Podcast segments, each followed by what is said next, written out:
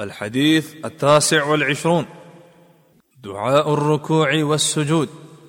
فركوع أو سجدك دعاءان. عن عائشة رضي الله عنها قالت كان النبي صلى الله عليه وسلم يقول في ركوعه وسجوده سبحانك اللهم ربنا وبحمدك اللهم اغفر لي.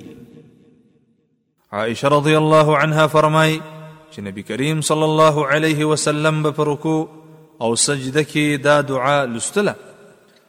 سبحانك اللهم ربنا وبحمدك اللهم اغفر لي اے ربا تا په پاکۍ سره یادوم أو تا لرا ستاینه الهي ما ته بخنه وکړي د دې حدیث د راوی مخکې په پنځم نمبر حدیث کې ذکر شوی او دا حدیث امام بخاری رحمه الله په خپل صحیح کې ذکر کړی دی.